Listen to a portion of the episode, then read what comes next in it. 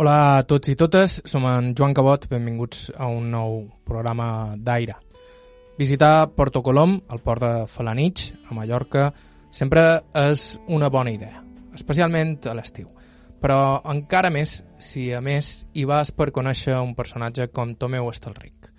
Ell és un dels autèntics, probablement una de les poques persones de la seva generació que poden parlar del port perquè hi varen néixer i créixer i hi han viscut tota la vida. Jo me pens que de la meva edat són únic, perquè ja tots els meus amics íntims, que eren cinc o sis, que mos veien cada dia, anàvem a prendre cafè plegats cada dia per veure'ns a xerrar una estoneta, no n'hi ha ja.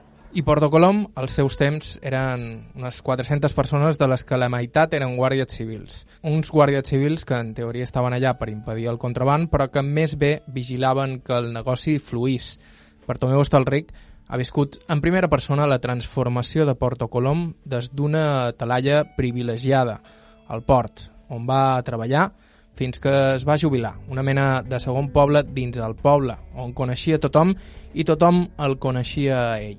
Gairebé com si tota la vida hagués estat regidor. Un bocí viu de la història de Porto Colom, terra marinera. Estau escoltant Aire a IB3. Ràdio, us parla Joan Cabot. Començam.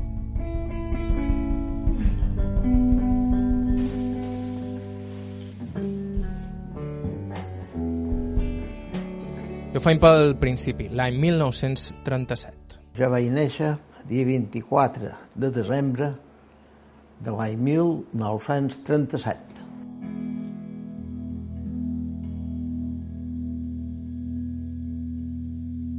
Ja tenia un germà i una germana.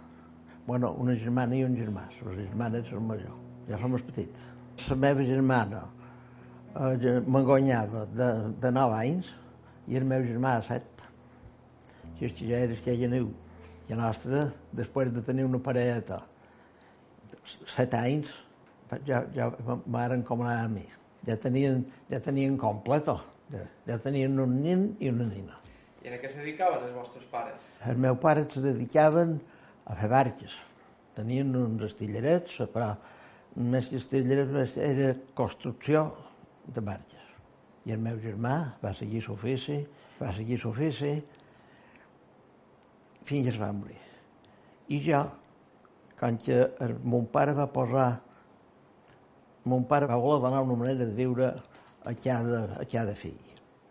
I la meva germana, que era la major, va posar un colmado, que encara és, encara sí, encara està el ric, i, i és d'una filla de la meva germana. I, i el meu germà li va, va posar de fuster de, de, de l'amo, de, de, de, de, la fusteria. I jo, aquí, aquí, aquí, dins aquella mateixa finca, tenia una granja de 500 trialines. Però jo no és que fos el que feia feina a les trialines. Jo, jo era el monin de la casa. El monin de la casa vol dir que tant, era, que tant despatxaven el colmado, com ajudava en el taller, com ajudava aquí. Eres petit, eres petit, petit vaig arribar, vaig arribar a l'edat, però vaja, sempre vaig fer el mateix. Més, aquí on vaig fer més feina, va ser en el taller amb el meu germà.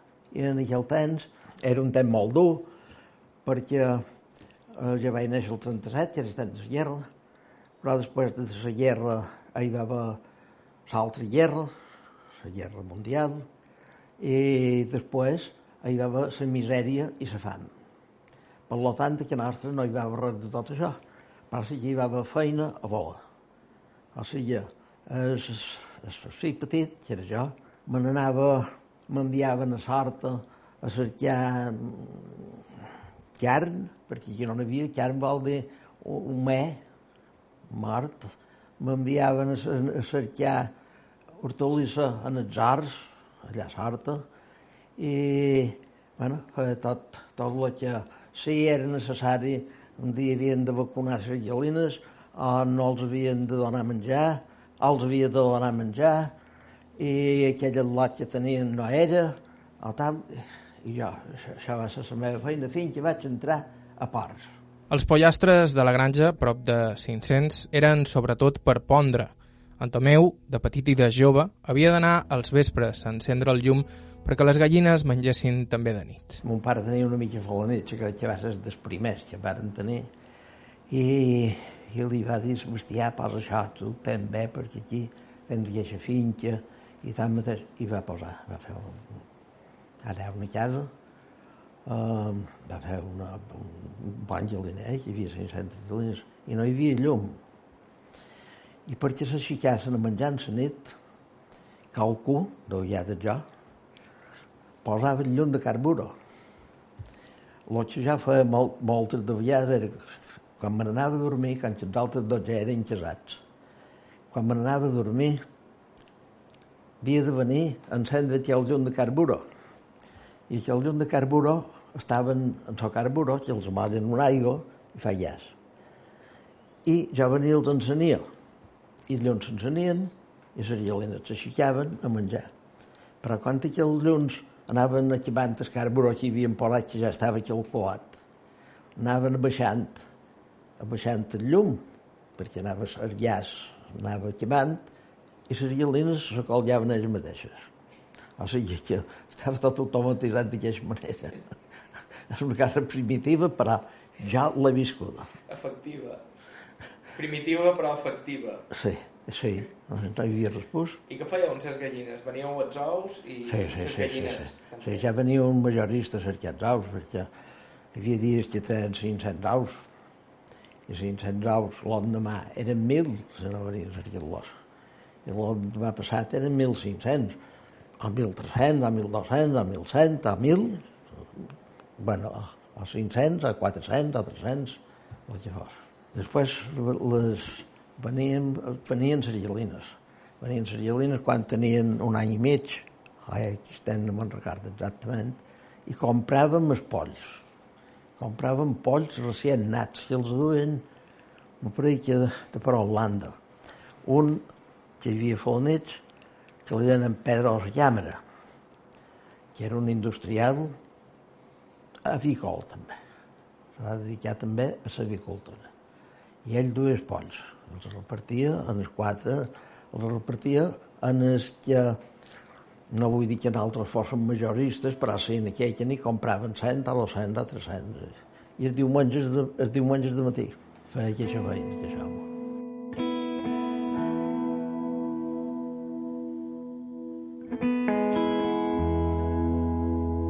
Mo mare s'ha morir molt jove. Si hi hagués hagut diàlisis no s'hauria mort eh, tan prest. Però va tenir, va tenir sucre i, i se va morir de ronyons. I ma mare ajudava la meva germana a la botella, es calmava, i feia el dinar, feia les feines de la casa, venia una dona un picalot a setmana a rentar i a fer net i tot això, i mon pare era un home, no sé com el tenc que definir, perquè ja som un fill seu, i diria que era un home modèlic, perquè sabia tractar amb tothom, estava bé amb tota la gent, li feien molt de cas, el respectaven, però sense ser un home, sense ser un home violent ni, ni, ni, ni, ni, ni feixut, sinó, sinó més bé una cosa suau, una cosa, però el que ell deia era, era el que ell deia. Un home molt respectat. S'ha de dir que en una zona de pescadors com el port, ser fuster era una feina de responsabilitat. Tothom acabava passant per allà. També era una feina important. Jo me record de la fusteria que se feia feina, sempre hi va haver feina, però no molta feina, feina suficient per tres o quatre homes, i hi va haver èpoques que per comanar una barca, per, que per fer una barca a una persona determinada havia d'esperar dos anys o dos anys i mig. De tantes que n'hi havia a davant comanades. Quant de temps estaven per fer una barca? I empleàvem un mes i mig, un, per exemple, un, la barca que se feia més era un llavut de 30 pans. En vàrem fer de 10 metres, en vàrem fer de 12, però no, lluut de 30 pans era lo normal per anar-se'n per aquí, per estar a Roquer i per aquestes cases. I, i això era el que se feia més. S'empleava un mes o un mes i mig. I anar, valien mil pessetes per pan. O sigui, un lluut de 30 pans valia 30.000 pessetes. A part de dir. Però eh, era jornal, també me'n recordo que quan jo que quan jo me vaig casar, els jornals eren a 12.50 l'hora. O sigui que eren 100 pessetes les veritats. Porto Colom, quan era petit, quasi, quasi podria, podria dir-se que era una gran família, perquè eren molt poca gent, tots mos coneixíem, tots mos feien cas, inclús hi va haver, perquè hi havia molta misèria, inclús hi va haver un capellà, aquí, un vicari, que va posar, va fer, però sense escriure ni estatuts ni res, va fer una espècie de germandat. I la germandat era que quan s'hauria qualcú, quan que la família no tenia d'obbers per, per fer venir un cotxe i per totes aquestes produccions, perquè els cementeris es folen ells. Va fer com una germandat. I quan s'hauria qualcú, ell, el des d'Albert de l'Iglesia Reus, pagava tot, tots els llastos. I després les repartia entre els habitants. Però no una quota fixa, tampoc. És, és molt curiós, això. Perquè segons les possibilitats que ell crea, de tu m'has de donar un duro, tu m'has de donar quatre pessetes, i aquell que no podia res, no donava res. Entre, entre tots els que podien, donaven per dur-se'n aquell amo i enterrar-lo a nit. Ho vaig dir jo perquè era això. Els joves, els diumenges, feien balls, els dies faners passàvem les vetllades a la parròquia, la parròquia tenia un salon, ens reuníem allà, i coses així. Eren poca gent i a més bona part de la població eren els guàrdies civils i les seves famílies que eren allà per controlar el contraban, encara que seria més encertat dir que el contraban els controlava ells. Érem unes 400 persones i n'hi havia la meitat que eren guàrdies civils en la família, perquè hi havia molta guàrdia civil, hi havia 20 i pico de guàrdies civils. Que, que d'aquí a la Magraner, que a la Ferrera, controlaven tota aquesta costa, perquè un temps no hi havia cotxes, anaven caminant. Me'n recordo quan els van dur la primera bicicleta, dues bicicletes. I, i heu dit de fer aquell recorregut de Porto Colom a Cala Magraner, que és de vora Porto Cristo, i de, i de Porto Colom a Cala Ferrera, que és de vora Cala Per tant, se necessitava gent. I n'hi havia, i n'hi havia no tenien cap mèrit de, de locomoció d'aquesta classe. Se dedicaven pràcticament a tot per avall. Ells estaven aquí pescant treball. Però cal que pitx paràvem, els paràvem per la carretera, que pitx a dins d'aquestes finques grans per caçadors, i feien tot, tot el que, tot, tot que sortia. No hi havia, aquí no hi havia cap, cap policia municipal, no n'hi havia. Venia un amb una, amb una moteta no sé si era de l'Ajuntament de amb un motoret, a dur una notificació en el battle per dir en un fulan o tal cosa, però això era un pitjat 15 dies. Jo, jo vaig veure quan se va unificar la Guàrdia Civil amb els carabineros. Perquè també hi ha Guàrdia Civil, llavors n'hi havia dos que, havia, que, que només guardaven el perímetre d'esport, però aquí on hi havia barques i moviment. O sigui, tenien un tram molt petit i hi havia tres o quatre guàrdies que se dedicaven a això i un capo.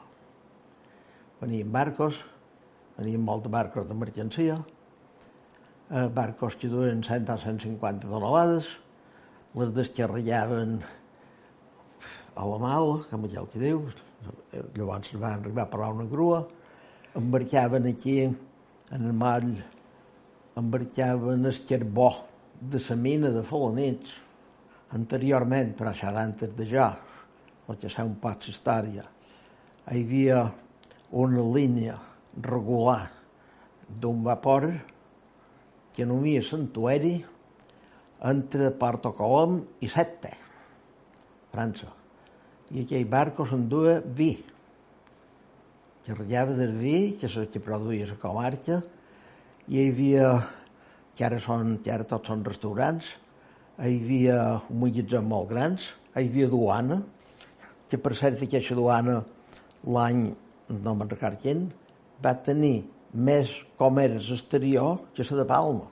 Hi va haver una temporada que varen dur tota la fusta de Manacor, després hi va haver una altra època que se va, que se va transportar tot el blat d'en Fontanet, el Fontanet, perquè Fontanet de Folanet, que tenien un magatzem aquí, i tenia barcos, va comprar dos barcos, va, comprar, va, va posar una naviera en Fontanet.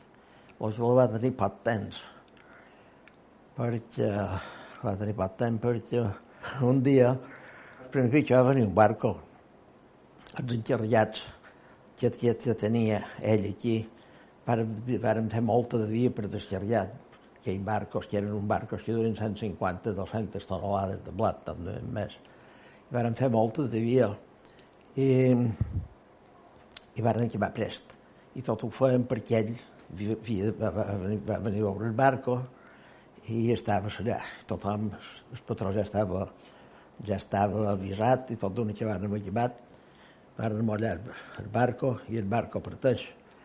I, i se'n va anar aquí, el tram curt, tot d'una que va sortir de la borja. Um, ell estava dret damunt el moll, els miraven. I aquells ajudants seus, consignataris i tot això, li van dir què tal, Toni, com, com, com te que anirà això? I va dir malament. I li van dir, per què? Diu, perquè aquell barco me costa 6 milions. Ja cinc anys ja l'he perdut de vista.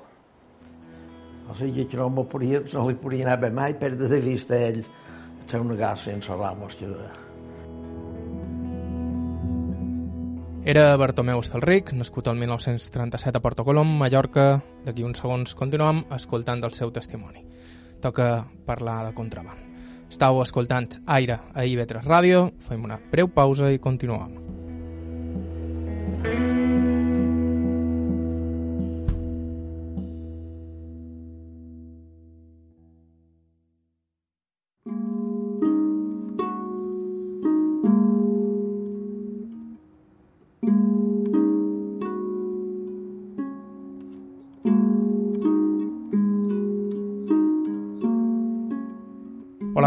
Estàu escoltant TV3 Ràdio, doncs parla Joan Cabot, això és Aire, i el protagonista del programa d'avui és Tomeu Estelric, de Porto Colom, a la costa de Falanich, Mallorca, un personatge que per força ha de ser conegut a la zona perquè durant 38 anys va treballar a l'autoritat portuària, com ell diu, una mena de petit ajuntament al port d'una localitat, a més, eminentment marinera. De fet, ens havíem quedat parlant de la important dotació de Guàrdia Civil que hi havia a la zona per fer front al contraband, una pràctica molt estesa a tota la costa mallorquina, que més que un mal de cap era el sobresou. De fet, Tomeu Estalric m'explica que els agents que no feien el cap viu tenien els dies comptats. Formaven part de la família o eren, o eren decantats o se n'anaven, o se'n havien d'anar supos que seus mandos ja, ja, ja, ja, ja ho tenien, si, si en veien un que feia una miqueta, aviat no era per aquí. Una miqueta de xulo, per dir-ho de qualque manera, que se vol dir posar que molestat la gent, amb una paraula. Si n'hi havia qualcun que molestat la gent, estava molt temps. I n'hi havia, hi havia, hi havia guàrdies civils que quan el llibre de servici feien de mecànics, no de mecànic, no posaven taller mecànic. Un va per barberia, però anaven, si trobaven feina a una fusteria, a un taller de, de, de, de mecànic, de, motor de barca, regularment, ah, va, tots eren. Uh, anaven a fer feina també. El sou era un poc just i també feien el jornal tot tapat, un altre, un altre jornal d'aquí és un poquet. Aquí, aquí, hi havia un, aquí hi havia un trato continu. No, no, no casual, ni de qualcun. Continu. Guàrdies civils si agafaven, n'hi va haver un que va venir i va fer una agafadeta de no sé què, de tabac o el que sigui, i l'endemà el van destinar a un altre puesto. I ell venia a la península. I aquell home va ser molt greu perquè li havia costat molt venir de la península aquí. Era de Pollença i la dona era de, de Portavedra. I, i, i va demanar perdó, va, va dir va anar el capità, el tinent, el sergent, no sé, aquí, de Maralí, Clemència, perquè no els enduguessin.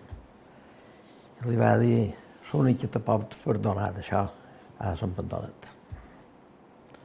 I hi va anar. I li va dir, bé, quedaràs. Però el tornis a fer per mi, que no ho sabia. Així és que més que tu loca que el controlaven.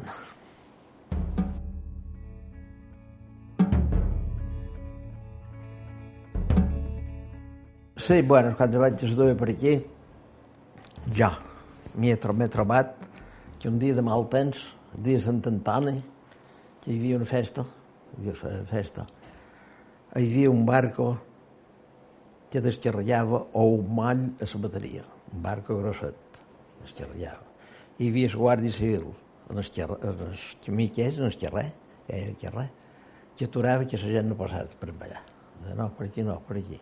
Llavors també sé, també sé, també passava que quan sabien que havien de fer feina dins el port, tots els marinets sortien a fer llamba i passaven per d'hora el barco. I tots s'enduen un xertó de tabac, un quiló de cafè, perquè fei-vos lluny, eh? fei-vos lluny, fei-vos lluny.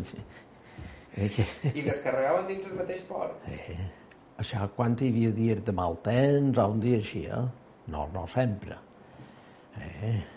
T'he dit, t'he dit que els pescadors que feien llamba, me refereixen a aquells que feien llambeta per pescar, que la feien per dins el port. Tot d'una que, que feien aquell moviment, se n'anaven a fer llamba per donar el barco.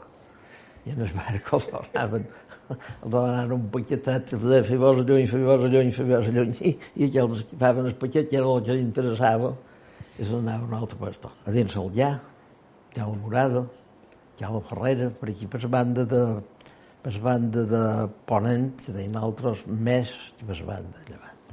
Hi havia propietaris, propietaris no, pagesos de l'oposició, amics meus, però ja són morts, que es varen fer riquíssims, perquè si, si podien descarregar i tenien els amaguetalls a dins la mateixa finca, i els mateixos carros, perquè no eren de tractors, el traginaven de la vora del mar, a dins amaguetalls, a dins, a dins la finca.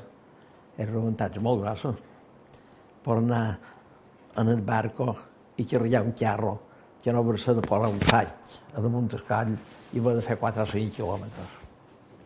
Més els poblats s'hi los, que els hi trobassen i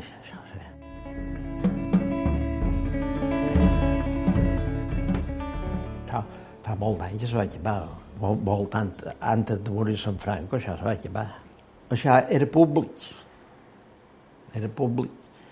Un dia jo treballava una costa, aquesta costa que se'n va cap per allà, i, i, passava, i pujava un guàrdia civil amb una bicicleta a peu, perquè era una costa, i ell pujava i jo davallava. I el li va caure, i tot va ser paquet de cafè i de, de, i era un poc pellós, que era un, home xistós. I va dir, Tomeu, no trobes que d'anar a comprar, a cobrar l'aguinaldo.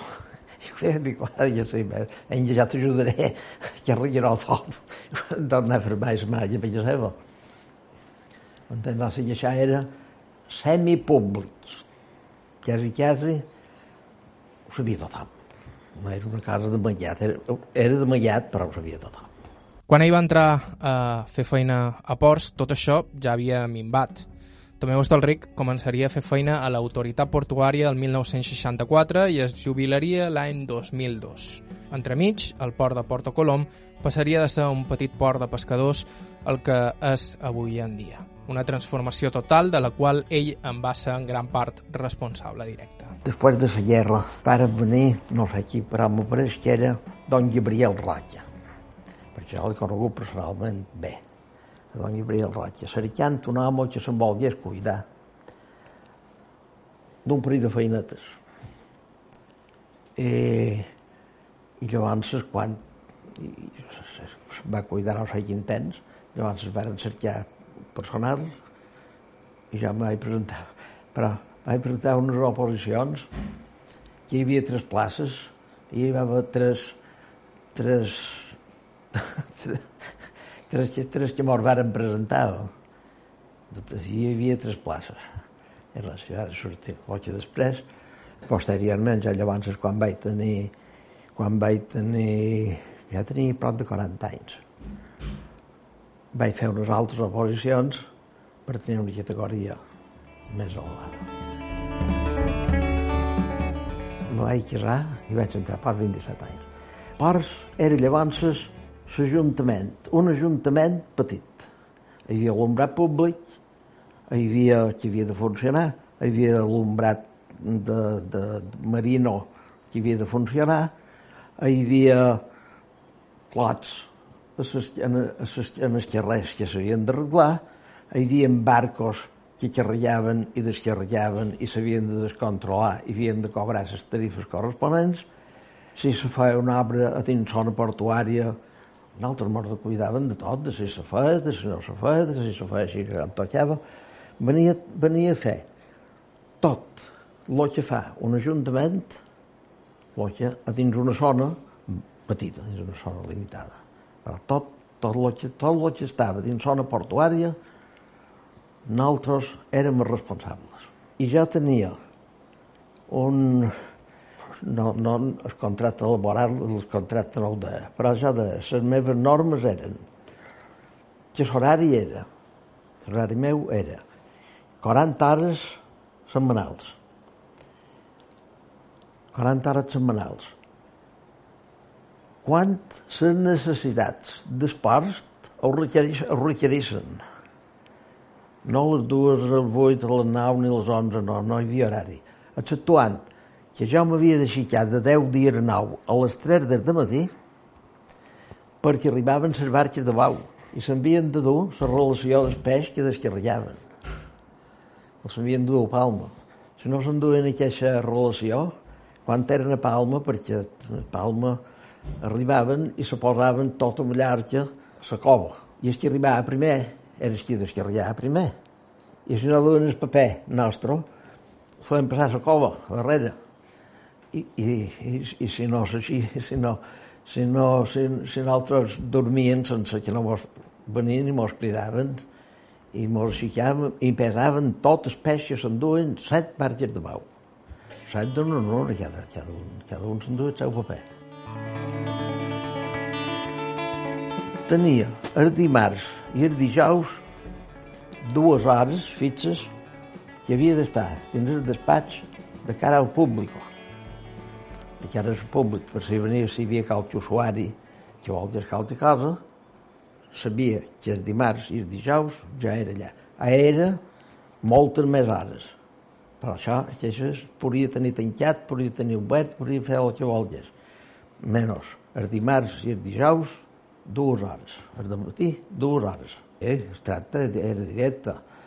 Ja vaig ser concejal també. Era una casa molt diferent. Si l'Ajuntament tenia deslumbrat públic mil llums, nosaltres en teníem 20. Per tant, era més bo de fer controlar 20, de més, la zona era més petita també. Tenint en compte que totes les barques que hi havia havien de passar per l'oficina. I en l'estiu hi havia molta de feina. Molta de feina, perquè hi havia moltes, moltes de barques que, que només les empleaven en l'estiu. L'estiu tots aquells veranans, tots tenien una barqueta, l'havien de tirar a la mà. I nosaltres l'havien de cobrar la tarifa corresponent a lo que era la barca, el propietari i, i controlar totes, tot això, i controlar-les totes. i un any, un dels darrers anys, perquè el dia, diguem per que era dia 7 d'agost, que tota Mallorca, a la mateixa hora, tots els saladors, a la mateixa hora, havien de sortir a comptar les barques que hi havia el port. Jo me'n record un dels darrers anys que, que jo els vaig comptar, de Port de Colom, n'hi va haver mil. Això era dia 7 d'agost, perquè pintura, pintura en el gener n'hi havia 70. Perquè quan ell era un infant, el port era molt, però que molt més petit. Res en comparació al que és ara. El port era de casco urbà, era el 10% del que era. El 10%. Perquè avui el port és molt, és molt gran. No sé si l'ha corregut, però jo el que vos puc dir és que el perímetre del port de Faro a Faro, hi ha un Faro i una farola a l'altra entrada. Són 7 quilòmetres de perímetre que té. I s'havia de controlar tot aquells 7 perímetres. Però llavors hi havia tot, tot ja de la punta i, i res, no hi havia res. Aquí on, aquí on avui, aquí on avui el centre, per exemple, ja no sé què dir-vos, aquí on hi ha supermercats i tot això, això era, era camp, que per anar-hi t'havies de parar de matí per tornar al vespre. Hi havia un cortès guàrdia civil, que era és, per això estava, aquell cortès guàrdia civil estava allunyíssim del poble, i ara està al centre. Hi havia la part veia que Ventura hi havia el 50% de cases fetes. El més eren soles. I a la part, a l'altra part, a la part de la duana, que deien d'altres, se podria dir que hi havia dos o tres carrers a primera fila. Tot l'element no hi havia res. I s'acabaven aquí on, ara per donar la referència, hi havia una farmàcia, al cap de Cantó hi havia un verdero, que treien barques de bou, o sigui que aquí on, aquí on acaben aquells restaurants que hi ha a primera línia, aquí s'acabava, eh? d'aquí per enrere, tot això, tota la base nou, tot això hi havia. I de la transformació de Porto Colom en continuarem parlant d'aquí una estona. Abans, però, fem una darrera pausa. Estau escoltant aire a IB3 Ràdio. Tornem en uns segons.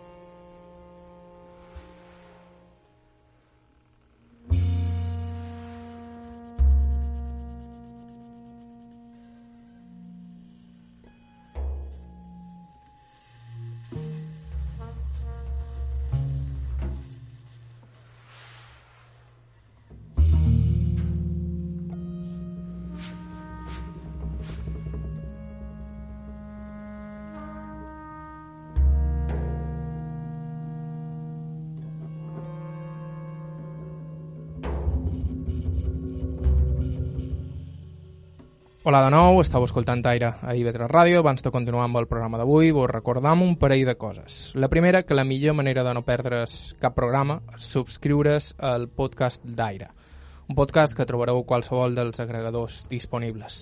També que, si vos agrada el programa, a molts d'aquests agregadors podeu deixar-hi valoracions. Per altra banda, com venim repetint en els darrers programes, insistim en que sempre estem cercant testimonis interessants. Si heu seguit un poc el programa vos podeu fer una idea de quina mena de gent cercam, gent major, que ens pugui parlar de com eren les coses abans, o que hagi viscut fets insòlits o gent directament amb històries de vida interessants en general. El nostre correu electrònic és aire arroba i també ens podeu deixar missatges al 971 13 99 31. El testimoni d'avui, de fet, ens el va suggerir un oient, Antoni Caldentell, aquí aprofitant per donar-li les gràcies. El nostre protagonista és Tomeu Estalric. Durant 38 anys, cap d'obres de l'autoritat portuària de Porto Colom, també va ser regidor i apoderat a Mallorca de la família Godó. Així que estan parlant d'una persona important i coneguda dins l'entremat de la localitat. A més, com ens explicava al principi del programa, la seva família, de nin, tenia la botiga Estalric a la part vella del port, un colmado d'aquells temps en què s'hi venia de tot, qualsevol cosa imaginable. Aquesta farmàcia. Farmàcia vol dir que cada dia qualcú anava a nit. I si, i si hi havia si havien de menester un medicament, anaven a la botiga, qualsevol botiga. Qualsevol, no ho sé, però allà nostra, ho sé, i deien mordureu aspirines, mordureu això, mordureu aquelles altres altra classe d'aspirines d'això, i llavors ho no és que tinguéssim, no és que, no és que tinguéssim per vendre medicament, però fèiem això. Llavors teníem, quan hi havia ració, d'un un boquillat que potser pesava 20 quilos, i, i amb unes cartilles de racionament venia la gent a cercar amb aquella cartilla i li corresponia, perquè eren dos, li corresponia un quilo de bacallà. I el que tenia la botiga havia de tallar un tros i havia de, de donar quilo de bacallà a aquella persona amb un preu, en el preu que, que, que, que el govern havia posat. La mateixa donaven trenes, els l'àpatir, les donaven llet condensada, i quatre cases, a lo millor els donaven un dia un quilo d'arròs per tot el mes. Era, venies a això, perquè no era, aquesta ració no bastava per, per, per res, venia a una ajuda que les donava el govern en aquestes famílies pobres, que tenien cartilla de racionament. I allà, quan s'enduen un quilo de bacallà, els llevaves el cello d'un de bacallà. Però no era tothom que comprés peix a Porto Colom, bàsicament perquè... El 90%, el 90 no, el 99% se vivia de la pòstia. Camp no n'hi havia, perquè eren dues possessions, la punta, la Canalau i la punta, que tenien una extensió enorme, que és d'aquí, d'aquesta casa, fins que a la Morada, no hi ha res. Esquí va fer esport, ho va fer gran, ja no un poc, ja molt poc a casa.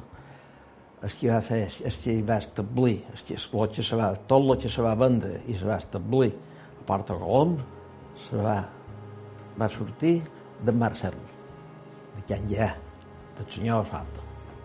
Ja ho va vendre, ja hi venia tot el que podia. I se va vendre i se va fer gran.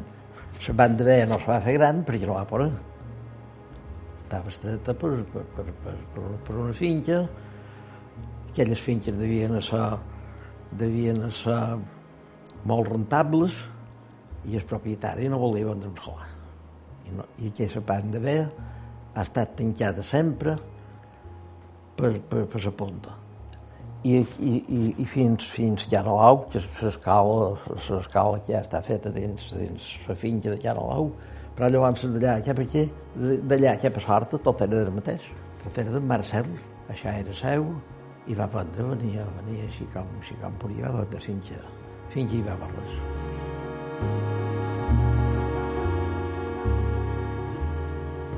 No n'hi havia de gent del parc que fes feina d'aquestes finques. Duien gent, duien gent ja pagesa, no marinera. Els pescadors, pues, la gent que vivia a Folona i que era pescador, venien a pescar tenien una barqueta aquí i venien per allà. No, no, no s'ho duien, més, no duien malament en sort d'aquí perquè llavors abundava tot. Que té més, sí, sí, sí, sí, venia un, i calaven, calaven quatre o cinc xerxes i se'n duien peix per, per, per menjar totes les setmanes al nit. I els d'aquí no coneixien que hi havia vengut ningú a cercar-les. Hi havia abundava, tot tot això abundava. La naturalesa abundava, aquí abundava. No hi havia escassez.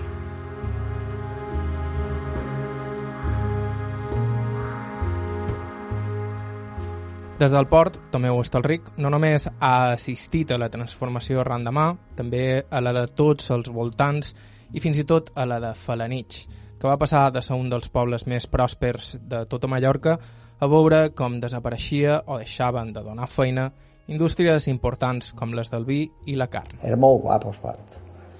Llavors era molt guapo perquè miraves per la vorera de la mà i veies peixos, veies llots, veies dorades, veies de tot. I ara no veus ni quatre dits, ni quatre dits fondo. Les aigües embuiades, són turbulentes. I antes miraves d'aquí, ja pas aigua, i veies una cosa blava, una cosa preciosa, no? una cosa tot natural. Miraves i veies cranys. Ara no n'hi ha cap. Tot això ha desaparegut. Jo me considero, me considero que he viscut d'una època de quan veiem aquells atlots per aquestes illes que hi ha per ahí, que, que fan un, un, que pesquen amb un bastó, i ja un peix. Ja això, l'he viscut. I he viscut una altra època completament diferent, que no, no surts perquè no, has, no saps on pots aparcar el cotxe. I en el pont no hi havia cap cotxe.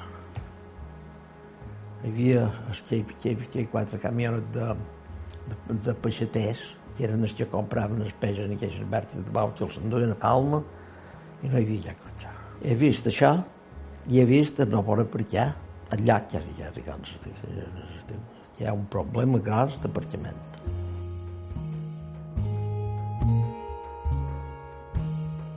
Això s'ha fet en 30 anys, o en 40. Ha anat creixent, ha anat creixent, ha anat creixent, i anava creixent en cases que estaven integrades en l'ambient. No hi havia pisos. Bueno, hi havia qualque planta, qualque casa de senyor que tenia planta baixa i pis, plantaules, i una casa ben, ben natural. I ara apartaments, i, i coses que no són inclús la part bé, que està canviant, està canviant, mos estan fent mos estan fent qualque palacete d'aquell per llogar per llogar en l'estiu i llavors això no era les cases que hi havia eren cases que estaven integrades en l'ambient que hi havia aquí. Varen començar així, varen començar berenants, varen començar a tenir fer una caseta, i venien a Carro i el Munt, tenien un, van fer una portassa i tenien molt dins la portassa i el carro, duien un parell de galines, els en menjaven, els en tornaven, però ara això ha tornat un xalet. Si volien estar vuit dies aquí, no podien deixar els animals allà. Els havien de dur aquí els animals que no estaven, això era la gent de poble. La gent de poble tenia, tot tenien una, una somera o un cavall, cavall no, o una mula o un cavall, i per anar a fer feina. I el havien de dur. No el podien deixar allà, no el podien deixar allà 15 dies sense tot sol. I si tenien, i tothom tenia, en aquell temps, tenien una dotzena de galines en el corral, això per la nit. I que nit, si no els duen, i, i no és com ara que diuen si n'hi ha qualcun que tingui un tia. Diu, a migdia aniré d'oli a dinar i, i tornaré. I amb una hora se'n va fer la nit i torna. Però llavors eren dues altres hores d'anar i dues altres hores de venir. No podia ser. O sigui, quan venien a veure havien d'estar aquí 15 dies, o 20, o 8, o si fos. Regularment les vacacions de la gent de Folanets començaven dia 21 de juliol, que era el dilluns de Santa Margalida.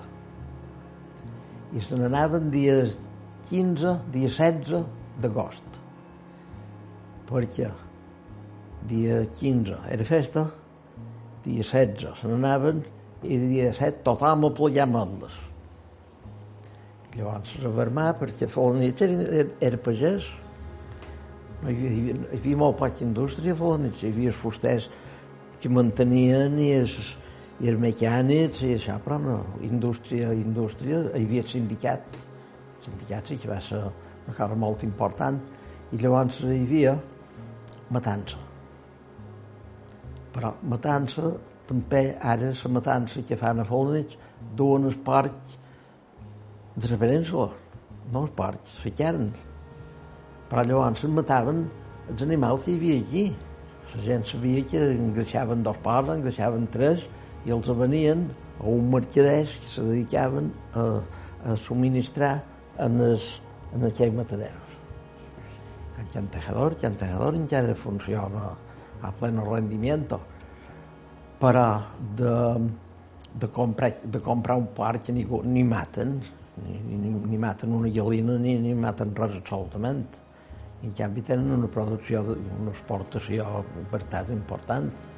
El sindicat ho van haver d'arribar a deixar perquè entre, no va ser rentable.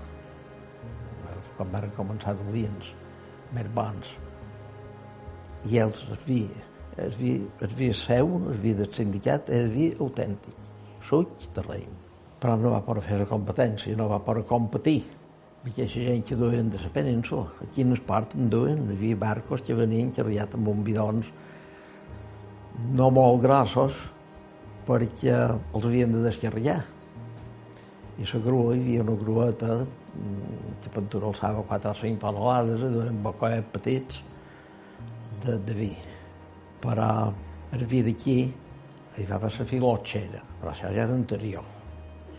I l'altra vinya que s'havia feta eh, quasi tot era del sindicat. Quasi tot s'anava del sindicat. I la gent també tenia venien a necessitar unes meses un, un, una temporadeta de feina d'anar al sindicat que era temps que necessitaven per fer vi per elaborar, per, per, per, per l'elaboració del vi les matances necessitaven matarifes i carnissers.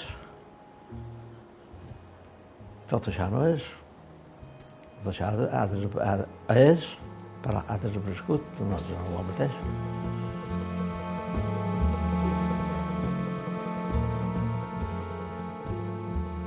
Senties a dir, ja ho uh, eh, això, Porto Cristo, eh, això, i nosaltres anàvem molt més enrere que Porto Cristo i la gent de, no, de, ells tenen el progrés i nosaltres tenim la misèria.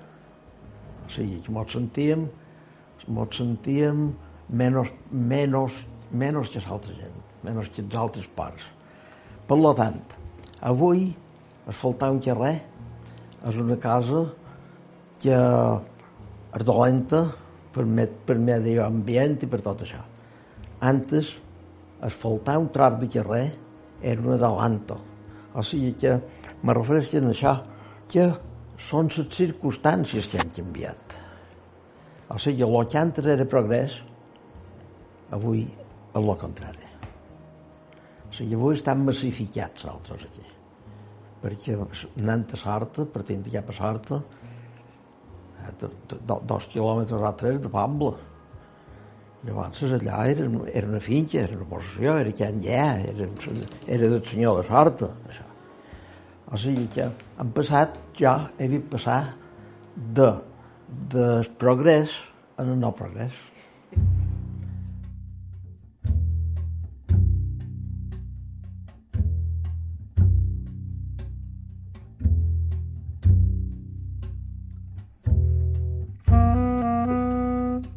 Fins aquí el programa d'avui. Moltíssimes gràcies a Tomeu Estalric pel seu temps i moltíssimes gràcies també a Toni Caldentell i son pare per suggerir-nos aquesta entrevista i manar-nos fins Can Tomeu. La música que ha sonat en el programa d'avui ha estat de Marisa Anderson i Jim White, Joshua Abrams i Chris Speed Trio. Podeu escoltar aquest i tots els nostres programes anteriors a ib3.org i ib3alacarta.com i també vos podeu subscriure al podcast d'Aire a qualsevol dels agregadors disponibles. El nostre correu electrònic és aire.ib3radio.com i també ens podeu deixar missatges al 971 13 99 31. 971 13 99 31. Bàrbara Ferrer, la producció executiva, pues ha parlat Joan Cabot, gràcies per ser a l'altre costat i fins la setmana que ve.